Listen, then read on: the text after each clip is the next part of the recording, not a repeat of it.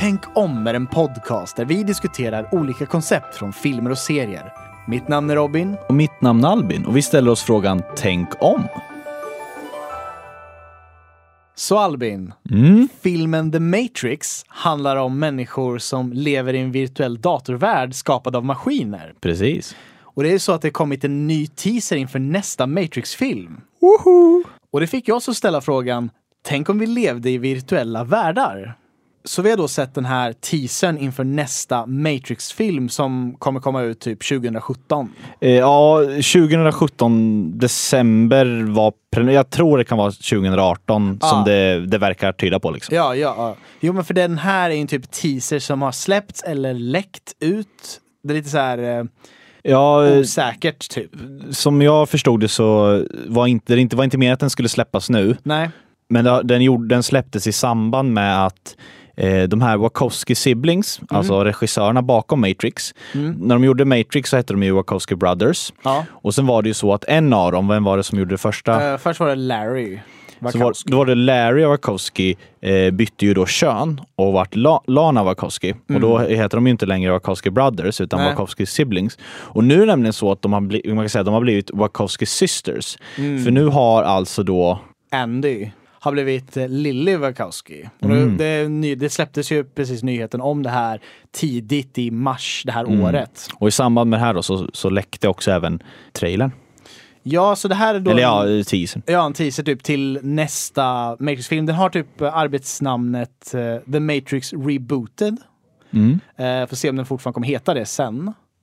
Men det, vi, vi kan se lite grejer i den här teasern som är ganska intressant och det är liksom lite kopplingar till originalfilmen och vad för liksom spår de fokuserar på liksom i, i den här nya.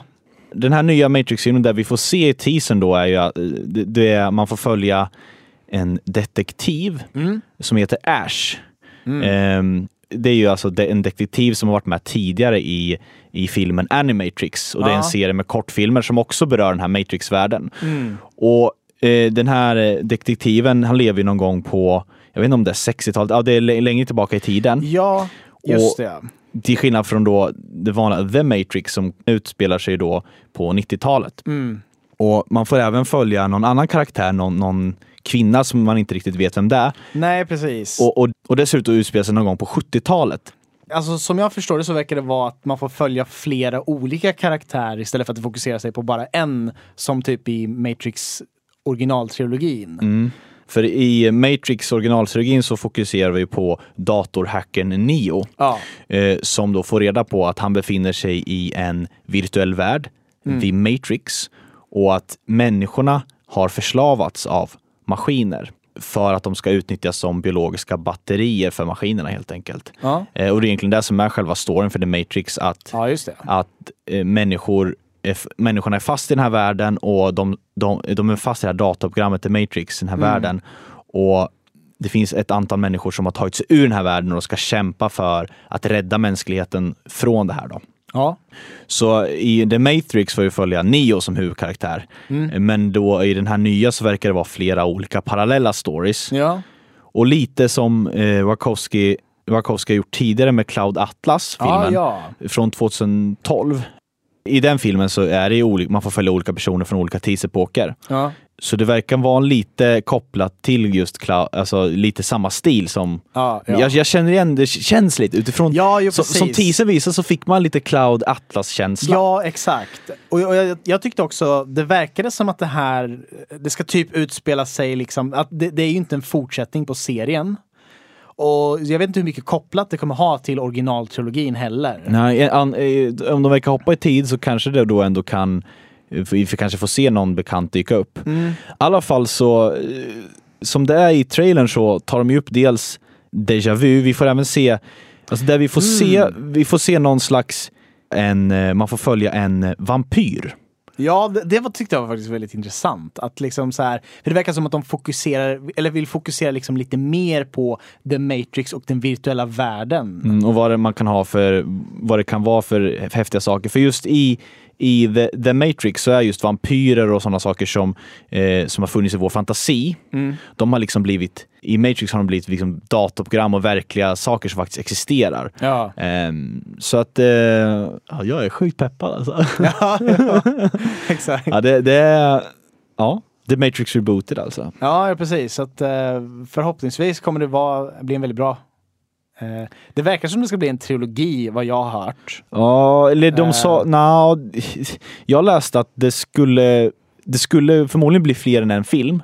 Ja, Men då kanske att de skulle ha mer fristående. ah, okej. Alltså att det inte skulle vara Alltså filmer kanske inte skulle bygga på varandra liksom. Mm. Men, men liksom att det kan bli ännu mer kanske, ja. ja, Li, lite som, eh, jag vet inte, jag vet inte om det kommer bli som en ny filmserie som håller, ja. Ja men vi, okej, vi kan ju i alla fall eh, länka till det här klippet, eh, Mm. den här eh, teasern då. Ja men vi skickar med en eh, klipp.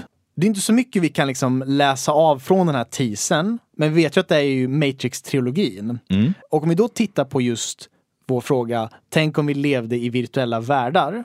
Vi kan ju börja med att liksom pra- prata lite om vad, vad definitionen är på virtuella världar. Liksom, och vad, Ja. vad, vad olika källor säger om det. Ja, alltså det finns ingen liksom generell term för det. Nej. Eh, Men det, dels kan vi förstå det som i Matrix. Mhm. En, en värld som är skapad digitalt där människorna är uppkopplade. Ja. Och i den här världen, i Matrix, så integrerar man med varandra med ett virtuellt jag. Alltså en, en eh, ja, helt enkelt massa människor uppkopplade. Och, in, och inne i Matrix pratar de med varandra, men då är de med sina virtuella jag. Ja. Men deras riktiga kroppar är utanför den virtuella världen, fast i kan säga, livmodersliknande kuvöser. Där de genererar kraft till de här maskinerna. Då, Ja. enkelt. Man kan också tänka sig virtuella världar som internet, som vi har idag till exempel. Och så kan man också förstå det som eh, exempelvis multiplayer-spel, alltså MMORPG. Eller MMOGs, Massively Multiplayer Online Games. Alltså exempelvis World of Warcraft. Ja. Det finns även eh, virtuella sociala världar, till exempel man skapar en avatar. Mm. Ja, så Facebook, sociala medier på ett sätt är en virtuell värld för du skapar, ja, just du skapar en, virt, en, en virtuellt jag. En, en Ja. del av dig existerar, det, det, det existerar en del av dig i någonting annat liksom. ja, så man, är liksom, man har skapat någonting som du kan kontrollera eller representera dig i den här världen. Och man kan då kommunicera med andra. Och, Precis, och det kan också ses som en virtuell värld. Men det Mm. finns liksom in, in, ingen eh, konstant definition, men en grej som liksom, man kan säga överlappar allt det här som är kopplat till en virtuell värld Ja. är att det behöver vara så att världen existerar även om användaren lämnar världen. Mm, ja, ja. Och då om vi har ett exempel så har vi eh, eh, filmen Tron. Ja. Där är det ju en eh, datorprogrammerare som fastnar, han blir liksom uppslukad, hela hans kropp fysiskt Ja. omvandlar hans till digital kod i den här världen. Mm. Där han egentligen tvingas vara med i gladiatorliknande Ja. spel. Ja, precis. Det, det, är liksom, det är en skapad, det är en digital värld. Mm, det, han blir egentligen kan man säga fast med ett stort spel. Ja. Och Poängen är att han ska lämna den här världen, men världen finns fortfarande kvar oavsett om han fanns där innan eller inte. Liksom att världen existerar även om en person lämnar eller, liksom, eller äntrar världen, Mm. så finns ändå, det, då måste ändå världen finnas. Och om en användare gör förändringar eller så gör, påverkar världen, då ska de förändringarna vara kvar. Mm. Eh, World of Warcraft till exempel, om Ja. jag gör någonting. World of Warcraft är ju då ett, ett multiplayer-spel som eh, online där man eh, väljer eh, man väljer en karaktär och man utför olika uppdrag tillsammans med andra spelare. Mm. Ja.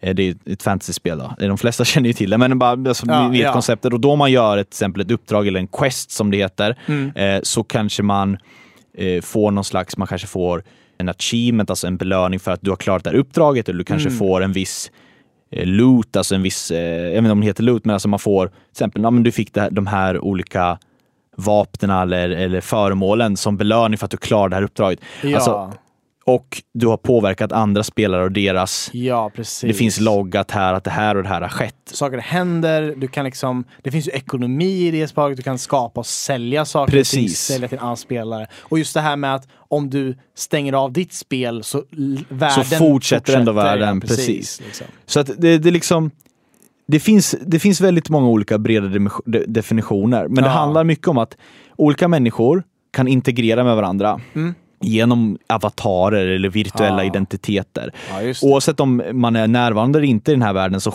pågår det fortfarande ändå utanför. Mm. Eller alltså, om jag inte är med eller inte, det påverkar, det, det finns fortfarande kvar. Liksom så. Ja, ja. Så en virtuell värld kan vi dels då se som The Matrix, där vi tänker att det är en datorgenererad värld där människor lever och man har liksom en, en, en avbild av sig själv där inne. Där är då människor uppkopplade. Men det ska man också se det som Tron, att vi, man helt lever i, alltså digitalt i den här ja världen. man, Där- man har överförts till digitalt i en Ja. annan liksom, att värld. så ens här. medvetande är där liksom helt, eller hela ens, kropp har sugits in i det här om man säger. Ja. Kan man ju se det som. Och då, eller att då, man, som i Tron är det ju ett spel, men också då våra riktiga spel vi har, World of Warcraft, Mm. sen finns det ju även då Second Life, vi kommer väl prata lite om bägge dem sen. Ja. Ehm, men sen kan man också se det som Facebook och egentligen sociala medier. ja det, det är mycket digitalt Och internet liksom. Ja, digitala virtuella världar. Mm. Men en grej som vi också faktiskt skulle kunna, som vi ändå tänkt när vi diskuterade lite innan här, det är ju drömvärldar. Vi tänker filmen Inception. Just det, ja. Mm. ja men det, är väldigt intressant, för där är det ju också att de på sätt och vis kan koppla upp i varandra i en avatar medan de drömmer. Och de också i Inception, det är inte bara att de drömmer slumpmässiga drömmar, utan de har ju faktiskt konstruerat just den världen. Precis. Så det är väldigt likt en virtuell värld när man liksom tittar på lite mer definitionen av en. Ja, för att Inception då från 2010, det handlar ju då om att det finns en, liksom, en teknologi som gör att man kan dela varandras drömmar. Mm. Och på ett sätt integrerar man ju då med varandra. Mm. Och som vi ser i filmen, då går de in i olika lager av drömmar. Så. Ja, ja. Och det tyder på något sätt att det som händer i ena lagret av en, en dröm påverkar eller händer i parallellt med en annan. Mm. Och då tänker jag koppla lite till att saker och ting händer även fast man inte där, är där. Ja, Så det händer oberoende om man är där eller inte. just det. Ja, lite kopplat till Ja. den här definitionen av virtuella världen då känner jag. Ja, liksom ja, ja. Och förutom drömmar då, om man tänker någonting som utöver, för nu har vi ju tänkt, eh, om vi tänker virtuella världar, det är någonting digitalt skapat och vi, allt det här vi har gått igenom. Mm. Men då finns ju även en till grej man kan tänka. Mm. Och det är ju förstärkt verklighet eller augmented reality. Mm, just det. Och man kan säga som att augmented reality är som en blandning mellan alltså en virtuell värld och vår fysiska värld. Alltså att man lägger på ett lager, ett virtuellt lager på den världen vi upplever idag. Ett exempel är då helt enkelt att man har filmar med eh, sin mobilkamera på telefonen Mhm. och sen håller man den telefonen över exempelvis en, man filmar på en restaurang. Mm. Och då dyker det helt plötsligt ploppar upp så här som så här, vad har den för betyg den här restaurangen, vilka har ätit där? Alltså det, Ja. det dyker upp virtuell information som läggs på det som man ser i verkligheten. Ja. Och till exempel Nintendo 3DS eh, är ju någonting som använder det här eh, augmented det. reality. Man kan spela augmented reality-spels. Mm. Spel. Och, och förutom Nintendo 3DS då, som har använt det här så har vi ju sett, det finns dels ett spel som heter eh, Night Horrors som var, det var en eh, Indiegogo-kampanj. Det är Ja. ungefär som Kickstarter, Mm. eh, alltså crowdfunding-hemsida. Mhm. Eh, som handlar om att man filmar med sin mobiltelefon. Mm. Och den, eh, tar en, den gör som en karta över ens hem om man sp- spelar inomhus då. Ja. Eh, och kartlägger alla väggar och sådär. Och sen så är det monster som går runt i det här huset, liksom, Ja. i sitt egna hus. Ja, så när man filmar kan de dyka upp. Ja, det var, det var det, lite ja, läskigt. Det är väldigt häftigt. Där. Men liksom helt enkelt, man blandar virtuella element eller digitala element med den fysiska världen Mm. helt enkelt. Så det är som en slags eh, augmented, eller alltså förstärkt verklighet. Mm. Och en annan grej eh, är ju Google Translate. Ja. Om man har appen Google Translate på telefonen Mm. och använder kamerafunktionen, då Ja. kan man hålla den över en skylt till exempel och så kan Ja. den översätta i realtid. Så den översätter texten till ett annat språk. Och den, det är inte bara så att den texten dyker upp eller någonting, utan den, den byter ut texten på det verkliga objektet. Liksom. Riktigt häftigt att Mm. Så, så man, man ser liksom genom kameran så ser man den, alltså det, det ser fantastiskt Ja. ut. Det, det, ja. Reklam. Nej men det är riktigt häftigt. Alltså. Så det är lite olika, helt enkelt lite olika Augmented eh, reality och som kopplat till virtuella världar och så. Liksom. Vi förstärker den fysiska världen. Mm. Så virtuella världar kan vara väldigt mycket. Ja, okej. Men jag tycker faktiskt det är lite intressant för att Mycket när vi tänker på virtuella världar så kopplar vi oftast det då till spel. Mm. Och till exempel de här Nintendo 3DS Augmenten-spelen eller då Night Horrors. Det finns ju någonting som kommer, som kommer här precis nu. Eh, Oculus Rift eller Playstation VR som då tar in det här med att skapa virtuella spel helt Ja, enkelt. virtual reality-spel helt Ja. enkelt. Virtuella... För om vi då tänker spel Mm. och koppla an det till frågan, tänk om vi levde i virtuella världar, så kan man ju ändå se att vi på många sätt redan gör det idag. Ja, och då har vi då, eh, som vi redan har nämnt, eh, Mm. World of Warcraft och Second Life. Eh, två spel som, eh, ja man kan säga Second Life är ju mer än kanske bara ett spel, utan det är, det är ju liksom nästan en, en andra, en, en, en, en extra värld helt Ja, enkelt. ja, precis. Ett Eh. andra liv helt enkelt. Mm. Second life. Om vi då ska tänka Second Life då. Mm. Det är ju ett vir- en virtuell online-värld. Och enligt då företaget själva, med liksom, syftet med att det, det är egentligen inget spel då. Man Nej, tänker. Det, det, syftet är inte, det finns ingen konflikt, det finns ingen liksom tydligt eh, ob, Typ ob, mål. inget eller... tydligt mål. Nej, Och det, det är inte, målet med Second Life är inte att det ska vara ett spel. okej. Utan helt enkelt, man lever i en värld som då heter The Grid. Och där lever du som en avatar och du integrerar med andra avatarer. Mm. Och det finns då en eh, egen valuta där. Och det finns även typ åldersgränser och det finns olika regler och eh, en, Okej. en, liksom man kan vara med i olika grupper, man kan bygga saker, skapa eh, och det finns liksom virtuell egendom och det finns även ma- varumärken som är inblandade här, liksom Coca-Cola och Okej. liknande. Så att det finns alltså det är som en, som en helt liksom, representativ värld med liksom, politik och ekonomi och Mm.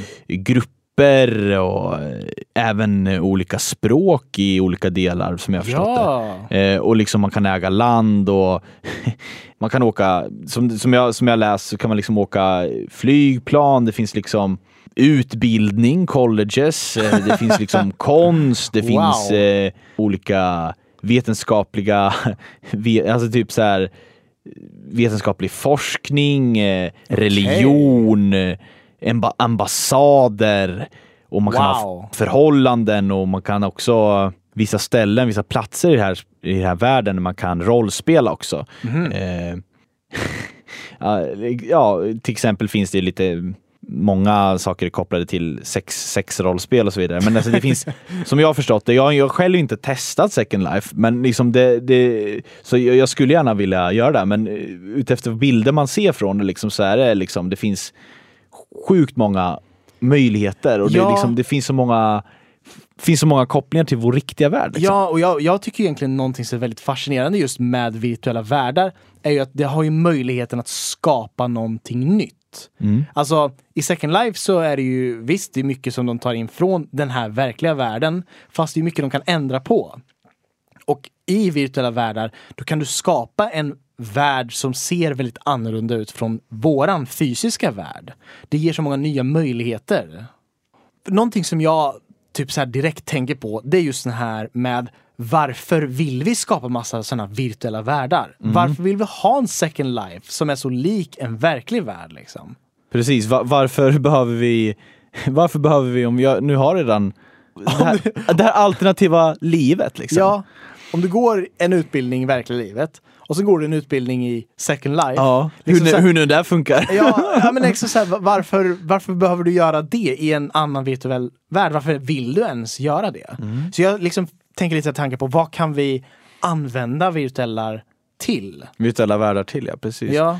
Ja, så för mycket handlar ju om- just, man, tänker på spel Mm. och många kanske ser det som en, som en verklighetsflykt. Ja. Alltså att den här virtuella världen ger mig möjligheter som jag kanske inte riktigt känner att jag har i riktiga världen. Eller det, det, det, det, jag är inte lika styrd Ja. av vissa saker. Och då tänker jag Ja, så här, ja, mm. då, då kommer jag tänka tanken på så här, de här världarna, vad finns det för regler och saker som, som styr i de här? För jag menar, vi har ju, i vårt samhälle har vi ju regler och lagar. Mm. lagar. För, då, för då har jag ju läst om att i Second Life, Mm. då eh, har man ju då, eh, kan man ju handla med riktiga pengar. Precis då som att man kan köpa i olika spel, till exempel, det går väl i World of Warcraft också, man kan köpa liksom, eh, föremål i spelen kan man köpa för riktiga pengar. Ja, microtransactions. Och Microtransactions ja. Och, och det blir ju bara större och större och det är en jättestor industri. Men som jag förstått i Second Life kan man köpa valuta i Second Life. Och det har jag då hört att det har blivit st- stölder på det. Alltså att folk blivit bestulna och hur, då har det blivit väldigt knepigt att dra in alltså det här rättsliga, hur, alltså det rättsliga systemet i de här Ah. virtuella världarna. Vad, Ja. vad gäller där liksom? Just det. Och jag tänker så här, är, är det en del i det att man vill försöka fly undan från man försöker fly undan från de lagar och strukturer som finns i riktiga världen. Ja. Och då inom parentes riktiga världen. ja, ja, men exakt. Och liksom jag tänker mig att, som du var ändå var, var inne och nämnde på det här med att liksom, man kanske får, har möjligheter att kunna göra någonting i en annan virtuell värld. Det behöver inte vara liksom att stjäla pengar från någon annan, men det kan vara liksom att få uppleva någonting eller ha andra förutsättningar. Men en sak jag tänker då som du pratar kring Robin, om vi då ska koppla tillbaka till The Matrix. Okej. Det är just att Neo som vi följer, han har ju blivit urkopplad ur The Matrix. Och han får reda på att allting är ett dataprogram. Och han befinner sig då på ett, på ett skepp tillsammans med andra fritagna från den här världen The Matrix.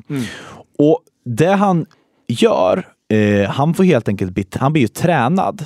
Han kopplas tillbaka in i ett annat dataprogram som liknar The Matrix. Ja. Där de laddar ner massa förmågor till hans medvetande så han Ja, tränas. Så att hans virtuella jag får massa färdigheter. Mm. I The Matrix, eller i den digitala världen, kan han nu karate, kung fu, han kan ju liksom jättemycket. Han, han vet att han skulle kunna styra en helikopter, han kan skjuta vapen. Han Mm. får de här mängden med möjligheterna som den här Ja. virtuella världen erbjuder. Och då tänker jag, i Matrix är det ganska extremt. Här får vi Mm. alla möjligheter i världen. Han kan bli vem som helst. Och det måste ju vara lite den, det som lockar, att man Ja. har de här möjligheterna att vara precis vem du vill vara Ja, just det. utan att vara begränsad av fysikens lagar, lite som The Precis. Matrix lockar kring. Ja men exakt, det det är faktiskt en intressant sak med The Matrix. För det finns en karaktär som heter Switch. Hon har en beige eller typ vit klädstil och typ vitt färgat hår i filmen The Matrix. Precis, hon är alltså en del av den här besättningen på Nebukadnezar, det här skeppet som- Exakt. som Neo har bli, kom, tagits till. Och det är alltså det skeppet som finns i den verkliga världen, utanför Matrix. Exakt, och det var planerat att det skulle vara en man i verkliga livet. Och, hen, och den avataren som han är, är en kvinna. Då tänker jag att vi kommer in på en väldigt intressant sak, det här med att om vi då att de här virtuella världarna ger möjlighet att vara någonting annat eller någonting mer, mer än vad man är begränsad av kanske då samhället. Men då har jag läst lite, dels ett fält som heter cyberfeminism eh, och det finns lite olika man kan läsa om. Just hur, om vi då, det här, de här virtuella världarna, internet och så vidare, hur man ser på kön, etnicitet och frågor kring klass och liknande. Om man då tänker att det, det var ju mycket kring när internet kom och så vidare, att det skulle bli mer mångfacetterat och det skulle bli mer jämställt. Det fanns till och med ta- tanken om, eller i alla fall tanken om att det skulle vara könsneutralt. Och vi ser ju idag att eh, åt- 80 procent av spelarna på, eh, på World of Warcraft är män till exempel och det finns en väldigt mansdominerad kultur över nätet. Och det är just de, de det, finns, det finns dels en artikel som heter Cyber Patriarchy meets Cyberfeminism, Facebook Online Gaming and the New Social Genocide. Och det är en artikel på nätet som just tar upp det här med cyberfeminism och vad, alltså, vad har man för rätt att uttrycka sig och hur formas virtuella världar och spel? Eh, utefter man kan titta på det ur en feministisk synpunkt eller liknande. Alltså hur, då tar de exemplet. Vi, vi, kommer länka, vi kan länka artikeln i podcasten. Ja. Och det finns även då andra, finns, en- finns andra böcker som berör just cyberfeminism som, som kan vara intressanta. Men i alla fall, den här artikeln tar upp just hur spelet World of Warcraft och även spelen Second Life, hur de på må- mångt och mycket blir en spegling av det patriarkala förtryck som finns mot kvinnor eller helt enkelt könsnormer, könsidentitet, stereo, könsstereotyper, att mycket finns och återskapas i våra virtuella världar, våra spel. Så man kan tänka sig att de här virtuella världarna som vi skapar, Ja. massa oändliga möjligheter, men mycket handlar om att reproducera och, och koppla till den världen som Ja. finns idag. För, gre- för grejen, artikeln tar ju upp det här, liksom, ja men okej, på nätet då har man mycket mer möjlighet att ha avatarer då i Second Life och World of Warcraft och testa och, och liksom leka med gränserna för kön, identiteter och så vidare. Men det finns också då någon slags teorier kring, eller liksom de ser mönster kring att snarare är det ett superpatriarkat som, och hypermaskulinitet som växer fram på nätet. Där man ja. till exempel då de här, man väljer karaktärer i World of Warcraft och då väljer män väljer kvinnokaraktärer och då är det kvinnokaraktärerna designade med väldigt liksom starka kvinnliga drag med liksom stora bröst och männen är liksom Smal midja och männen är så här supermuskulösa så att det blir liksom förstärkningar av de här stereotypiska dragen. Ja, ja. Och det, jag, vet, jag vet inte om det är just den här det står kring, men de nämner just det här också, liksom vithetsnormen i, i spel. Som till exempel, jag tror det är NHL, men också då World of Warcraft. När du väljer en karaktär, förinstä- den förinställningen för det du väljer, det är en vit man eller en vit karaktär. Och vi, vit, alltid blir alltid, vit blir då det som är normen virtuellt. Och det, Ja. säger, det, det på något sätt för det de tar upp i i artikeln som jag tycker är intressant, de, dels, dels nämner de då i World of Warcraft, som jag, som jag nämnde då, kan man välja eh, man kan välja kön, man kan välja hudfärg, man kan välja om man tillför för ras, om man vill vara liksom en människa, en alv, en dvärg, vad man vill ha för krafter och man kan liksom skapa, man kan skapa en karaktär. I Second Life kan man också göra så, men då kan man även undvika att vara en människa. Då kan man vara en bulldog eller man kan vara ett träd. Man kan liksom, man, man, kan, man har en massa alternativ. Liksom. Man, man kan skapa en idealiserad bild av sig själv. Då.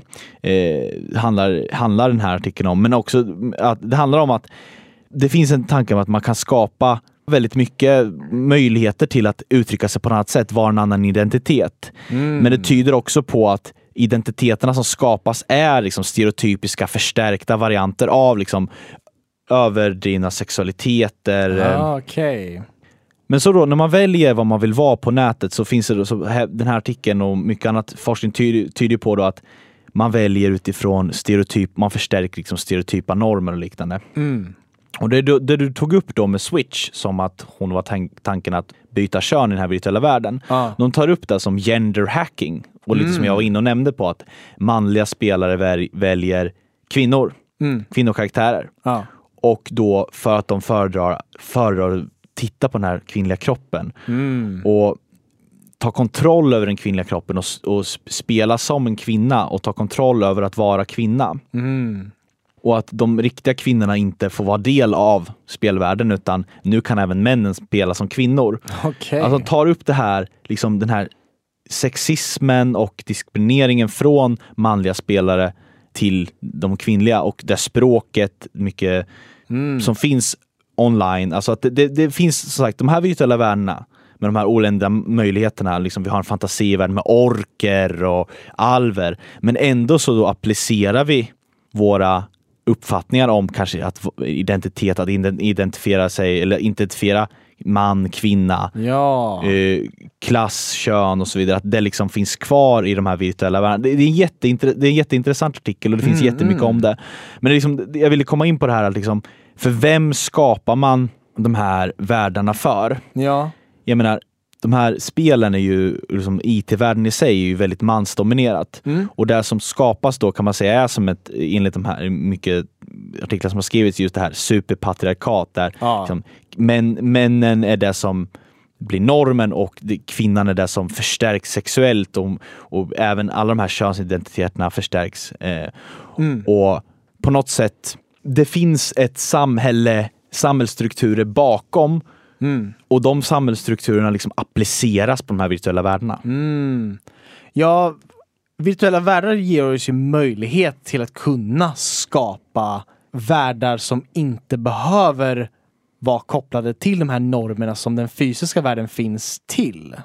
Och jag kan tänka att det finns en potential till att kunna skapa sådana intressanta världar. För att om man kan uppleva någonting som inte liksom finns i den fysiska världen, då kanske vi kan liksom skapa, vi behöver, alltså som vi tänker World of Warcraft, det är en fantasyvärld, det finns alver, det finns eh, troll och det finns liksom orker och liksom så här. Det, det existerar inte i verkliga världen. Men genom den här världen har vi möjlighet att kunna uppleva det. Vi kan skapa det som inte kan existera eller det som existerar fysiskt. Mm. Jag tänker lite som virtuellt sex, tänker, kommer jag på. Eh, jag vet inte egentligen om vi kan komma... Nej, men just det här med att man ser virtuella världar som en möjlighet att utöva sexuella preferenser som inte riktigt kanske kan existera på samma sätt i verkliga världen. Ja, okej. Och då tar de, ju- just i samma artikel tar de upp, eh, det finns eh, i Second Life, Mm. de som har eh, en, en fetisch för My Little Pony bland annat. Okej. Och det är någonting som, då, som de kallar eh, eh, klopping. What? Sex between two people of the My Little Pony fandom. Okej. Och någonting som heter giffing. Eh, sex between two people of the furry role playing community. Okej. Så alltså, liksom, man kan se Second Life, eller de här värdena, som, för att f- alltså, kunna uttrycka liksom, avvikande sexuella beteenden som inte riktigt är okej Mm. eh, i vår värld. Alltså på något sätt, Ja, okej, lite ja. som du säger, jag menar, lite känner som vi försöker diskutera det här, va, men alternativa spelregler då, eller Ja. på något sätt alternativa regler som är okej i de här värdena som inte, kanske inte riktigt är okej i riktiga världen. Just det. Och de tar ett exempel i filmen Gamer. Mm. Eh, där är egentligen så att det är ungdomar som spelar tv-spel fast de, de styr riktiga fångar, dödsdömda fångar. Mm. Just det. Styr dem med hjälp av hjärnkontroll. Mhm. Så, så, så skjuter de död på varandra. Man kan tänka sig att den fången är som en spelkaraktär i spelet. Ja. Och då har de då sidan av det här spelet även någon, en liknande second life-grej. Och där får vi då se massa människor som även de styrs eh, eh, av ungdomar som, som styr de här. Det är alltså människor som styrs på riktigt och går omkring i den här världen och har jättekonstigt sex med varandra. Eller, jätte, alltså de har lite som de, det för, lä- läggs fram i filmen i alla fall, att det är konstiga sexuellt avvikande beteenden. Lite som i, i då, som det står här i en artikel om Second Life. Ja, ja. Alltså man får på något sätt, de här virtuella världarna ge, öppnar upp massa möjligheter för, att, för det som riktiga samhället inte tycker är okej. Ja, just Eller det, här, det. det finns inte liksom rum för det, men här kan ni få i virtuella världar, då får vi leka, då får vi testa Ja, crazy stuff. Ja precis, för det, jag gillar just den här liksom med crazy stuff och vi kan liksom leka med någonting som inte riktigt funkar i riktiga världen. För om vi även tittar på The Matrix-filmen så har vi ju det här med att det finns, det är inte samma regler som i riktiga världen. Neo, karaktären, kan göra andra saker som inte går att göra i riktiga världen. Han kan hoppa från en byggnad till en annan. De kan springa omkring på väggar och, och eh, liksom ducka för kulor som kommer. Ting så här. Det är som att eh, den virtuella världen låter dem liksom eh, tänja, eller vad heter det? Mm. För att just för den här, På regler, Så, liksom. så för som i Matrix handlar det om att den virtuella världen är ju, det är ju bara kod. Mm. Och kod kan man manipulera Mm. och då kan man tänja på de här gränserna. Just det. Och jag tänker de gränserna vi har i verkliga livet. Mm. Kan ju tänka sig gravitationskraft till exempel. Ja. Och det är någonting då som, som i den här virtuella världen bara omvandlas till kod. Vi kan ställa in gravitationen hur vi vill. Och det är någonting vi kan göra i vissa spel. Mm. Man kan ställa in vilken gravitation, hur högt en karaktär kan hoppa och så vidare. Ja. Och bara där vi tänker även karaktärers förmågor, till exempel WoW, om du får mer experience på viss så här, strength, att du får styrka eller om du får snabbhet och det Mm. påverkar hur din karaktär kan bete sig. Så ser vi även hur Neo i The Matrix laddar hem de här förmågorna. För att på något sätt, då får han möjlighet att tweaka sig själv. Liksom. Mm. Ungefär som vi då tweakar våra karaktärer i riktiga världen. Ja. Och även Neo har ju blivit erbjuden för övrigt, om man då ska tänka till virtuellt sex. Han blir erbjuden också virtuellt sex. Eh, Ja. Av, eh, det är väl samma, det är väl en, ja, men en på, ombord på skeppet, som, han som hjälper Neo Ja. att eh, bli bättre. Mouse, Karaktär- han, som, karaktär. han som hjälper Neo med att ladda upp de här förmågorna till hans hjärna. Mm. Han erbjuder idag, men eh, vi kan fixa ett rum. Eh, Ja, det finns en scen i The Matrix eh, som en testprogram där eh, det har liksom med koncentration att göra. Där Neo och Morpheus, som är kaptenen över eh, det här crewet, de rör sig i en folkmassa och det finns en, en kvinna som är i, i The Woman in the Red Dress. Och eh, ma- hon är ju skapad utöver den här eh, en sexuell bild av hur kvinnan och liksom ska vara väldigt så här vacker och attraktiv. Och då är det en annan karaktär, Mouse, som har skapat den här kvinnan. Och Neo er, erbjuds från Mouse-karaktären att eh, om han vill så kan ju han eh, hooka upp Neo med den här karaktären, en avatar som är skapad i en virtuell värld. Just det. Men när vi pratar om det här nu med, med liksom, gå in på virtuellt sex eller bara det här med, alltså, det här med liksom kän, känslor eller liksom så här. Nio får ju tillgång till en massa kunskap som han laddar ner sådär till, direkt i sin hjärna. Han är ju liksom inkopplad. Hans fysiska kropp finns ju kvar och den är liksom inkopplad. Men han är, hans hjärna är helt inne i den här världen.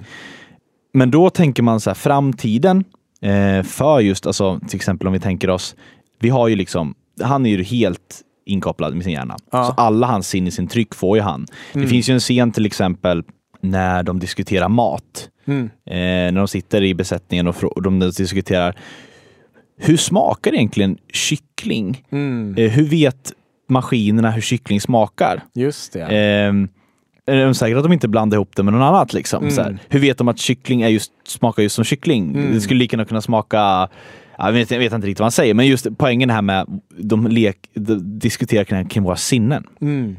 Och då tänker jag på just, vi har ju, för, då har vi ju smak bland annat, Ja. som är väldigt mycket påverkat av lukt. Mhm. Eh, och sen så har vi ju syn och så har vi hörsel och känsel. Mm.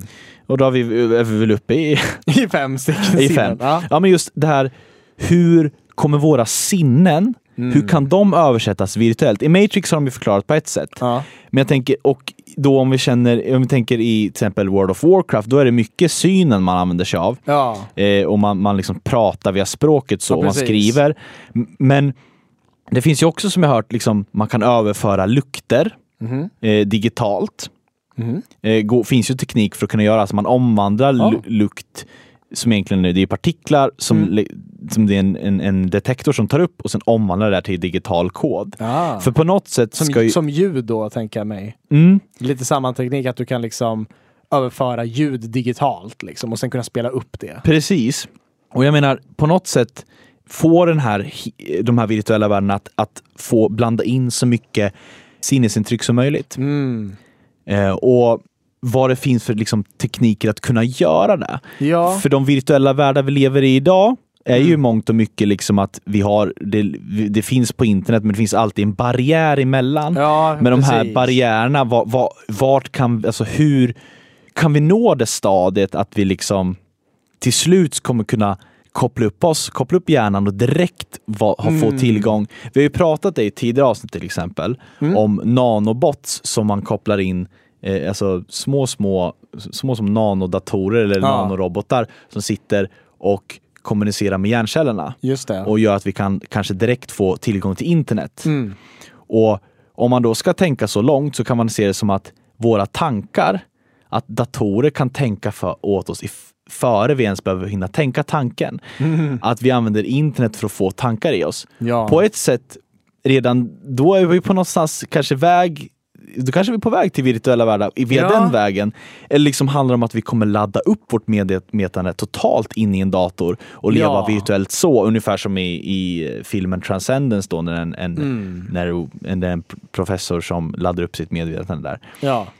Ja, det finns så många möjligheter, men alltså, vad händer, hur får vi över, det, det jag försöker komma in på, hur kan vi få över de här, våra hela, hela spektrat med sinnen Ja. in i de här virtuella världarna? Ja, men för jag tycker det är intressant för det är ändå åt det hållet vi går mot. Om vi tittar på typ Oculus Rift och jämför det med till exempel en dator.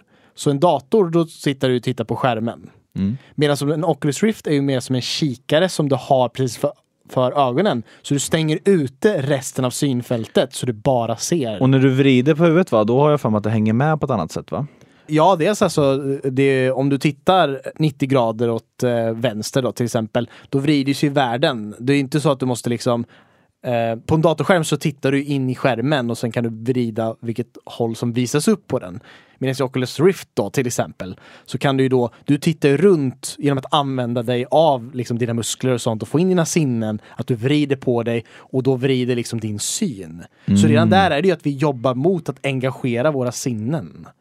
Precis, alltså det, här, det är lite så här den tekniken som finns i Nintendo Wii eller det här med att gyros, så rörelsedetektorer känner av Mm. och omvandlar det till information. Vi har även Kinect, Ja, kameran som följer våra rörelser. just det. Och alla de här teknikerna på något sätt ska man kunna få in och kunna använda för att göra den virtuella världen mer mer kopplat till våra sinnen, Ja, mer kopplat till rörelsen kopplat, här. Ja, precis. Att vi tar bort barriärer som liksom nu redan finns. Liksom. En grej jag måste tänka lite kring virtuella världar, det är just det här med, eller jag går tillbaka till virtuellt sex igen. Nej men just att varför då, om vi ska komma tillbaka, var- varför ska vi ens ha virtuella världar? Mhm. Vi- Vissa ser fördelar med just det här med att virtuella världar kan vara någonting för om man har exempelvis skadat sig Mhm. eller har ett handikapp som gör att man inte riktigt kan, kan röra sig eller kan prata ordentligt, att då via, via internet eller via spel eller via liksom få vara en, vara en avatar, att man kan få möjlighet att un- gå bortom sitt handikapp. Ja. Och ett annat sätt då kan man tänka sig att om man har långdistansförhållanden eller om till exempel en astronaut ska åka på en lång resa till rymden, om vi nu ska åka till Mars till exempel, Ja. eh, att då man kan, kan kunna ha ett sexuellt förhållande även fast man inte befinner sig på samma plats. Mm. Eh, det finns ju i Japan har de ju utvecklat någon slags kyssmaskin som ska man kunna kyssas från två och det är ju liksom, det är någonting som tas upp i The Big Bang Theory är det ju ett avsnitt om, Mm, de ja. har någon liknande. Han eh, Leonard. Le- Leonard, ja precis. Men det, det, det är liksom någonting som görs, eh, som, som, jag, som jag har förstått, som utvecklas. Ja. Och det finns ju även självklart eh, mer, mer eh, ännu mer snuskiga eh, applikationer eller saker som tagits fram. Ja. Nej men just det här med att, att eh, det finns en människa och sen finns det en barriär eller det finns en digital värld. Och sen finns det en annan människa och vi möts här i det digitala. Vi går in i något annat och sen träffas vi där. Ja, jag tycker det är väldigt intressant för att man har ju ändå hört den argumentationen med att vi lever så mycket mer på nätet och vi, vi tappar kontakten från varandra. Men om vi ändå tänker på det lite mer så här, virtuella världar och sånt, det, har liksom, det, det är som att det kan gå runt tillbaks så att vi kan få en kontakt från någon liksom som är så långt ifrån. Om, du, om vi liksom, som du nämnde det här med astronauter och sånt, kan fortfarande ha en relation till sin familj till exempel och, och kanske till sin fru eller flickvän liksom. Men då tänker jag på smartphone, du är lite inne på det här, alltså om vi tänker då kunna om virtuella världar, liksom hur våra relationer kommer se ut. Så hur kommer virtuella världar påverka våra relationer? Och då kan man ju ta smartphones som exempel. Många, många ser ju smartphones som att vi, vi ba, just nu i- lever idag, vi tittar ner i våra smartphones, vi kan sitta kring ett bord och folk kan vara väldigt kan man säga, väldigt osociala. Nu gör jag så här, eh, vad kan man säga? Citattecken. citattecken här. Nej men just det här att de här virtuella världarna, hur kommer man se på mänsklig kommunikation? Det här med ögonkontakt och just det här Mm. att mycket del av vår kommunikation i den fysiska världen bygger på, på våra sinnen. Ah. Må- Många sinnen som vi inte ens tänker på. Nej. Vi plockar upp lukt eh, och det får oss att tycka någonting om en annan människa. Hur kommer det översättas i de här virtuella världarna? För mycket jag läst kring just och hört just att här virtuella världar, vad väljer man att förstärka och vad väljer man att titta på? Ja. Man kanske kodar in saker som, man, som egentligen är förstärkta, överdrivna saker i verkligheten, men också man kanske glömmer saker i verkligheten. Vad väljer man att ta med helt enkelt? Och hur påverkar det hur vi integrerar med varandra? Ja. Som Facebook har ju precis börjat med det här, de här nya symbol, gilla-symbolerna. Man kan välja ett hjärta till exempel, man kan välja en skrattande gubbe. De har försökt få användarna nu att kunna uttrycka mer sätt hur de känner kring någonting. Just som man känner den här barriären på nätet, att ja, jag kan inte riktigt nå fram med det fulla sinnesspektrat. Ja. Men då tänker man sig, är vi just nu i en tid där de virtuella världarna, den, är liksom, den digitala världen, Mhm. den är liksom, just nu känner vi oss handikappade, att vi kan inte liksom fullt ut uttrycka oss. Mhm. Men när de här virtuella världarna blir mer och mer uttrycksfulla, exempelvis, vi kan uttrycka oss alla kä- känslor vi känner, alltså alla känslospektrum, alla sinnen.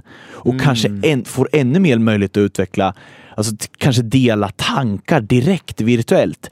Alltså redan, vi, du och jag kanske inte behöver prata med varandra för att känna att vi tycker samma sak, utan nu kan vi dela en tanke här i virtuella. Ah, ja. Eller vi kan måla upp någon virtuell någon virtuellt skapad bild som vi inte ens vi kan föreställa oss. Vi kanske, Nej. det är helt kanske andra spelregler. Ja. Vi kanske inte behöver ta hänsyn till den gravitation vi har idag Mm. eller fyrdimensionellt eller ett tredimensionellt rym. Vi kanske har andra dimensioner. Det tycker jag är väldigt intressant för. Ja. att man tänker då att smartphones, Mm. vi går mot ett mer och mer så här icke-socialt, mindre mindre kontakt med varandra. Men om nu vi får de här, eh, den här virtuella verkligheten, om vi får tillbaka det här med att alla sinnesintryck och kunna uttrycka sina känslor mer, som då Facebook gjorde det här li, li, lilla steget mot det kanske. Men alltså, det är ju en väldigt litet steg. Men Ja. det var bara ett exempel på att det ändå finns ett driv för det. Det. Att uttrycka sig mer och mer. Jag vill få ut mer av, mi- av mitt liv här på nätet, i sociala medier. Eller jag vill få ut min, min, min, min själ och känsla i en karaktär jag designar i ett spel. Ja. Kanske kan vi nå en mer tillbaka till något mer intimt genom, kanske, och kanske ännu mer intimt genom de här virtuella världarna. Ja, ja precis. Alltså, det jag verkligen gillar med den här tanken om virtuella världar är just det här med att vi har så mycket möjligheter. Vi kan alltså spåna vidare på liksom hur kan vi ta ett nytt steg med hur vi förhåller oss till våra virtuella världar som vi skapar. För det liksom öppnar upp en ny väg till hur våra liv skulle kunna förändras. Mm. För om vi då kan använda oss av till exempel smartphones och sånt och just det här med augmented reality, liksom, att liksom förstärka våran verklighet till att skapa någonting extra virtuellt. Vårat liv kan bli liksom någonting mer vi, vi gör det utav. Det kan vara små saker som att vi gör mer ett spel av typ bara bränna kalorier. Och då tänker jag liksom tillbaks till Black Mirror-serien som vi körde för ett litet tag sedan. Det var ett avsnitt där de satt på motionscyklar. Och desto mer de trampade så blev det liksom att de fick poäng som de sen kunde spendera som typ en valuta. Precis, vi snackade om gamification. Jag tänker anledningen till att vi går in på just gamification, om vi då tänker att vi lever i virtuella världar och vi kan då bygga upp dem och det är väldigt kopplat till, alltså om vi tänker att virtuella världar, vi relaterar väldigt mycket till spel. Och då att de här virtuella världarna byggs på ett sätt som får oss att tänka kring lek och tänka kring spel Ja. för att motivera oss i våra liv. Och det du sa i Black Mirror, då sitter de ju på motionscyklar. Ja. Och det de gör när de trampar på de här motionscyklarna, då är det för att de ska få en slags valuta. De får en valuta för det. Eh, för att kunna använda och köpa saker. I, i de här, för sina virtuella avatarer i deras vir, lilla Ja, virtuella ja, värld som precis. de lever i. Och jag tänker, det är ju baserat, dels så finns det ju applikationer för, på liksom smartphones Mhm. där vi kan med, där man som motiverar, spe, alltså det blir som ett spel att Mm. jag bränner kalorier och det kan jag eh, få en achievement för eller kunna Ja. köpa olika grejer. Och det, på tal om det, om man ska nämna lite snabbt, det är Mm. ganska intressant i sig. Det här med att virtuella ägodelar och hur Mm. vi ser på dem. Alltså att det, idag i spel så, så eh, finns det ju ett värde i det virtuella. Man köper egendom i Second Life och man Mm. Just köper det, kläder till sina, till sina avatarer, vare sig det är en, en, liksom, ett föremål, ett svärd kanske i World of Warcraft. Mm. Det finns liksom ett, ett värde i det virtuella. Bara, bara som ett sidospår, det är väldigt intressant. Ja. Vad händer då om vi kan göra gamification, om vi nu lever helt, om vi tänker, om vi nu går utöver smartphones. Mm. Om vi tänker oss att vi lever i en virtuell värld, som i Matrix, vi tänker att vi lever oss i The Matrix. Vad händer om vi blandar in gamification där? Mm. På, på, om vi tänker oss achievements. Om vi tänker oss i spel, det kan ju vara att ja, du har klarat den här banan flera gånger eller du samlade alla föremål. Jag tänker om vi tar det, oavsett vilken nivå vi tar, om vi nu lever helt i en virtuell värld eller bara ser det här augmented reality via våra smartphones eller befinner oss på Facebook. Ja. Det här att man blir belönad. Jag tänker LinkedIn till exempel, eh, där man, ja men, det är ju som, det är, det är s- socialt nätverk för, för, socialt professionellt nätverk, alltså som Facebook fast mer fokuserat på jobb då kan man säga. Och där blir man ju belönad om du fyller på information om dig själv. Du, du fyller en viss mätare vad du har för ni- profilstatus, Ja, om du är en ja. stjärna eller om du är nybörjare och så vidare. Och jag tänker, det här sättet, även idag, alltså i samhället, du får ju betyg när du går ut skolan och så vidare. Mm. Men tänk om man integrerar det här achievement i virtuella världar. Till exempel, du har sett solnedgången hundra gånger. achievement unlocked. Ja. Och liksom, alltså, det, jag tänker kring det. Mm. Alltså hur, hur kommer de här virtuella världarna skapas? Så att vad är det för beteende som uppmuntras? Just det. Ja, men bara för att achievements i sig kan ju locka till Ett visst beteende. ja, beteende och bara en upplevelse.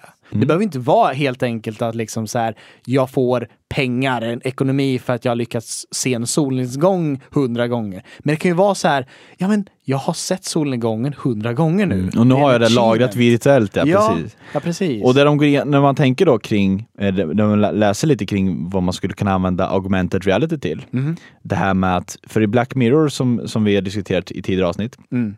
Så ser de ju, då har de ju liksom ögon, Mm. som, som, som, eller virtuella ögon helt enkelt. De, de ser ju via ögonen så ser de, eh, lägger de på ett eh, informationslager eller Ja, virtuellt lager.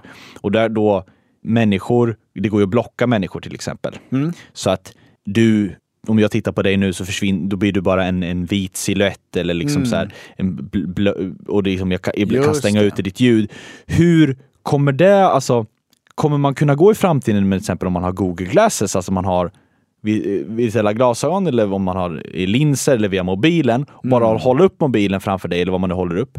Och sen ser jag, du är så här gammal, du har de här Mm. intressena. Alltså hur kommer det förändra datingkulturen? Ja. Kommer, kommer de här virtuella världarna direkt att i virtuella världen kan- blir man ihopparad likt om vi tänker datingsajter idag? Mm.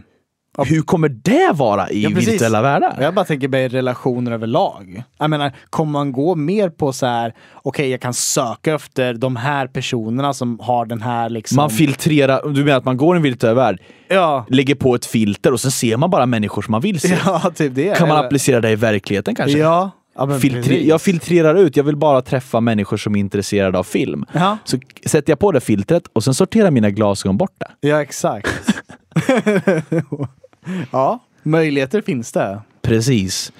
Och om vi snackar det här med gamification eller det här med achievements, Mm. kommer tillbaka, liksom, vem är det som bestämmer i de här virtuella världarna? Mm. Vad skapas de för?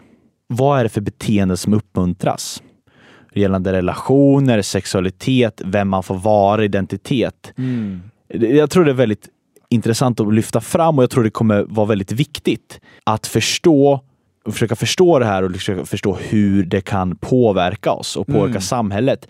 För på ett sätt, vi lever väldigt mycket virtuellt redan idag och det påverkar ju den fysiska världen väldigt mycket Ja. hur, hur, vi, hur vi ser på det. Och jag tänker så här, i mångt och mycket så är ju folk väldigt intress- mer intresserade av sin virtuella avbild eller hur de ser ut eller hur man framställs kanske i sociala medier eller man kanske bryr sig mer om sin avatar eller sin spelkaraktärs framgång än hur det går i verkliga livet. Ja. Det tror jag blir väldigt intressant att, sätta in hela det, hela det paketet. Mm. Om man tänker kring liksom hur, vad är förhållandet mellan den fysiska och virtuella världen? Ja. Vad är det för samhälle som den fysisk, den, vad är det för samhälle som den virtuella världen förhåller sig till? Och förstå det här med diskriminering, det här med samhällenormer, att det, liksom, det kommer ha betydelse för de virtuella världar vi skapar. Mm, Vem det. skapar vär- virtuella världarna? Vem har makten i de virtuella världarna?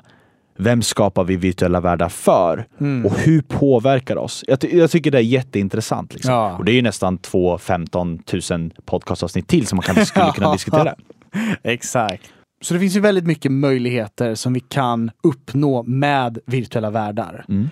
Och jag tänker liksom så här, vad är det för fler, vad, vilka fler steg kan vi gå? Om vi liksom bara tänker hur vi upplever saker och ting. Om vi tar till exempel film. Mm. Hur kommer olika medier att vara liksom inom virtuella världar? Det är ganska intressant att ta upp det där. För jag lyssnade på ett kort podcastavsnitt kring hur framtidens filmer kommer se ut. Mm. Så vi, vi kan väl eh, se till att komma ihåg att länka det. Ja. Annars får ni skälla på oss. eh, I alla fall.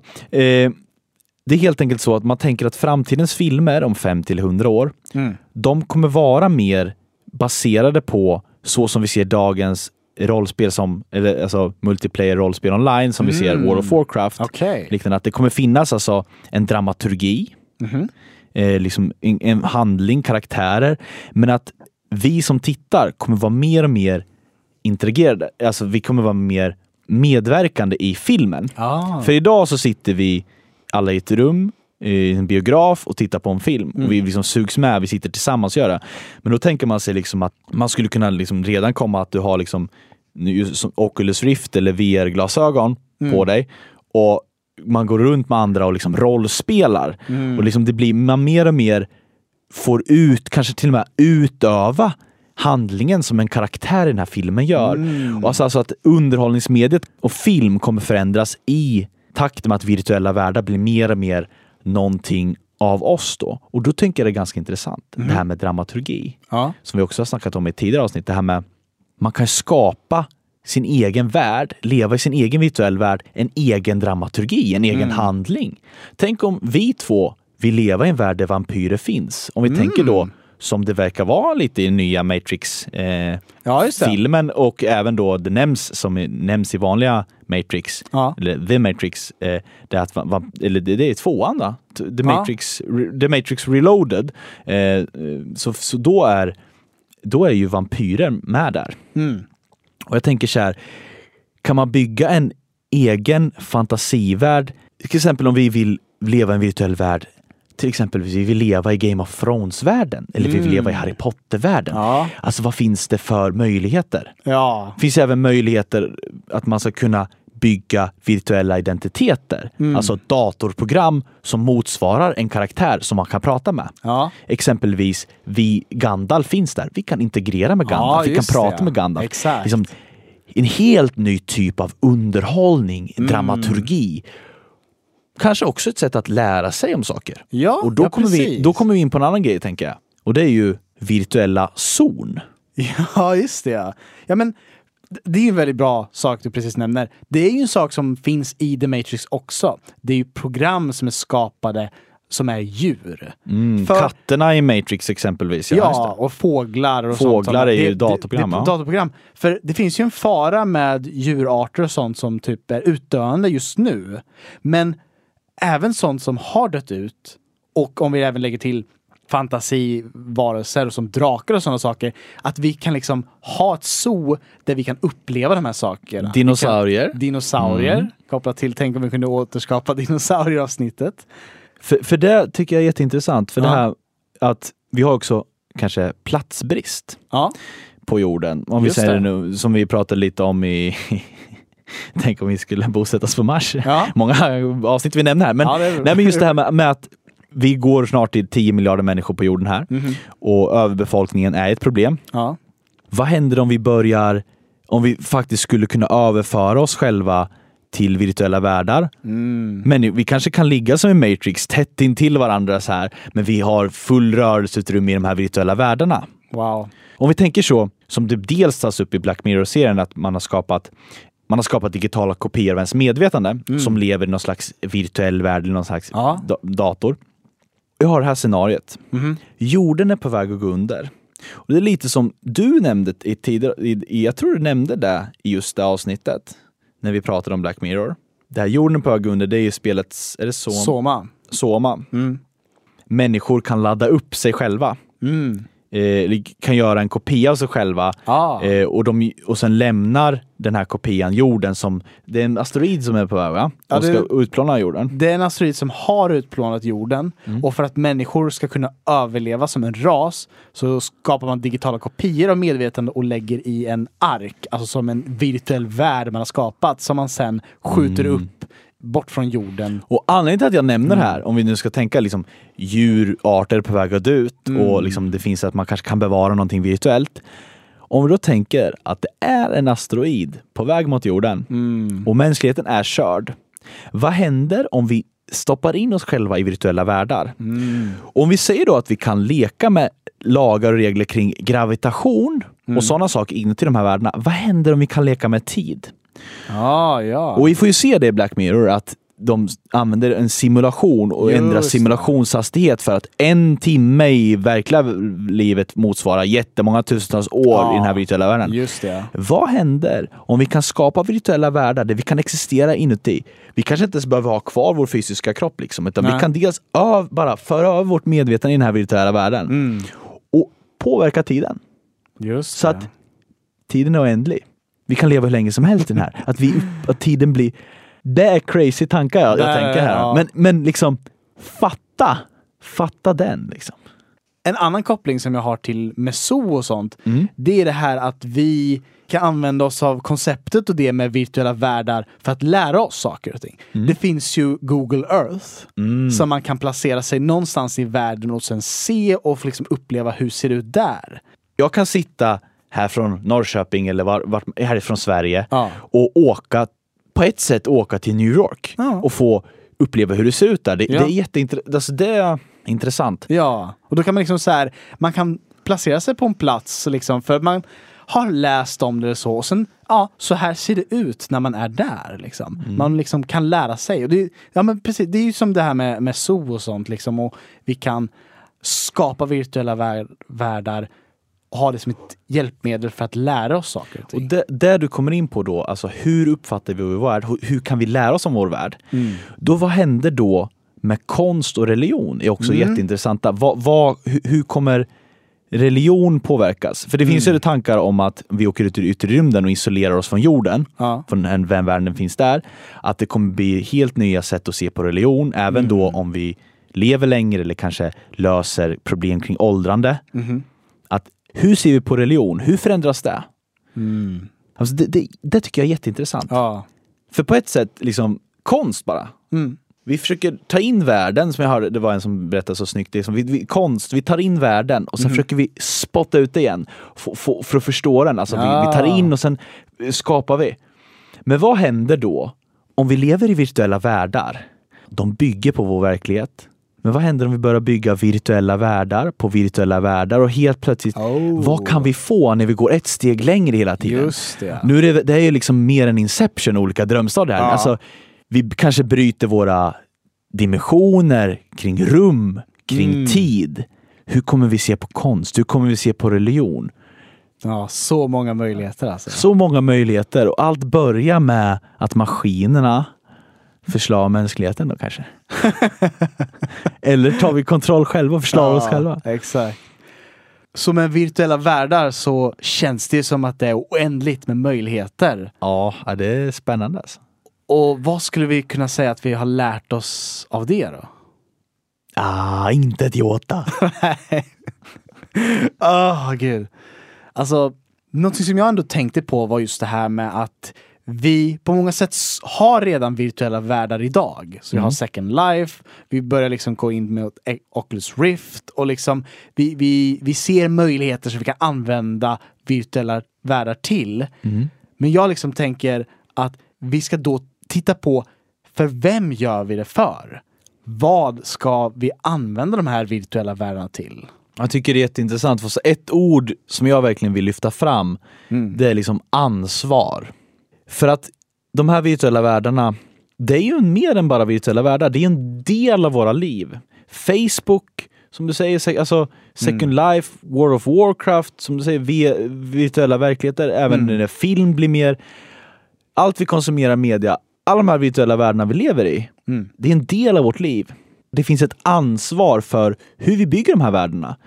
Vill vi verkligen ta med oss vissa normer, eh, förtryck, problematik kring kön, etnicitet.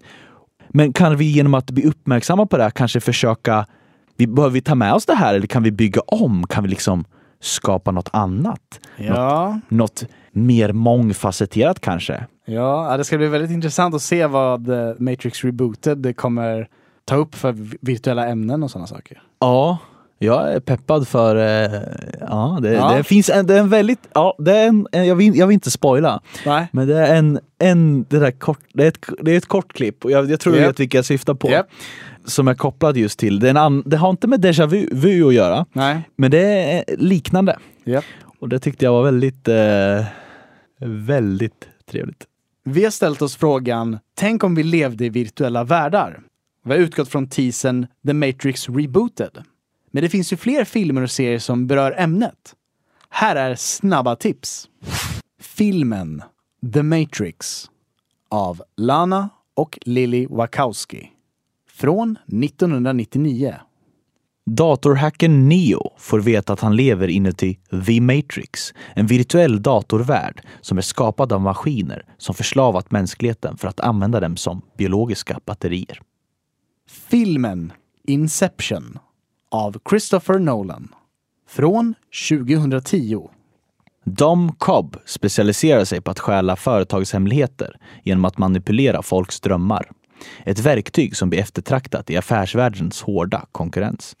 Filmen Tron av Steven Lisberger från 1982. En datorhacker blir fast i en digital värld där han tvingas delta i gladiatorliknande spel. Nyckeln tillbaka till verkligheten är säkerhetsprogrammet Tron. Filmen Gamer av Mark Neveldine och Brian Taylor från 2009. Dödsdömda fångar är med i ett framtida gladiatorspel där det styrs med hjälp av hjärnkontroll från tv-spelande gamers. Fången Cable, styrd av Simon, måste överleva 30 runder i spelet för att bli frisläppt. Hoppas morsan inte rycker kabeln, för då ryker ju Cable. Nej, morsan! Ja, alltid morsan! Ja, dålig timing var det. Men eh, det var några snabba tips från oss. Har du sett någon film eller tv-serie som du vill tipsa om? Vad fått dig att tänka om? Det skulle vara jättekul att höra från dig. Nå oss via facebook.com tankompodcast eller vår hemsida tankompodcast.se. Mitt namn är Robin. Och mitt namn är Albin och du har lyssnat på Tänk om.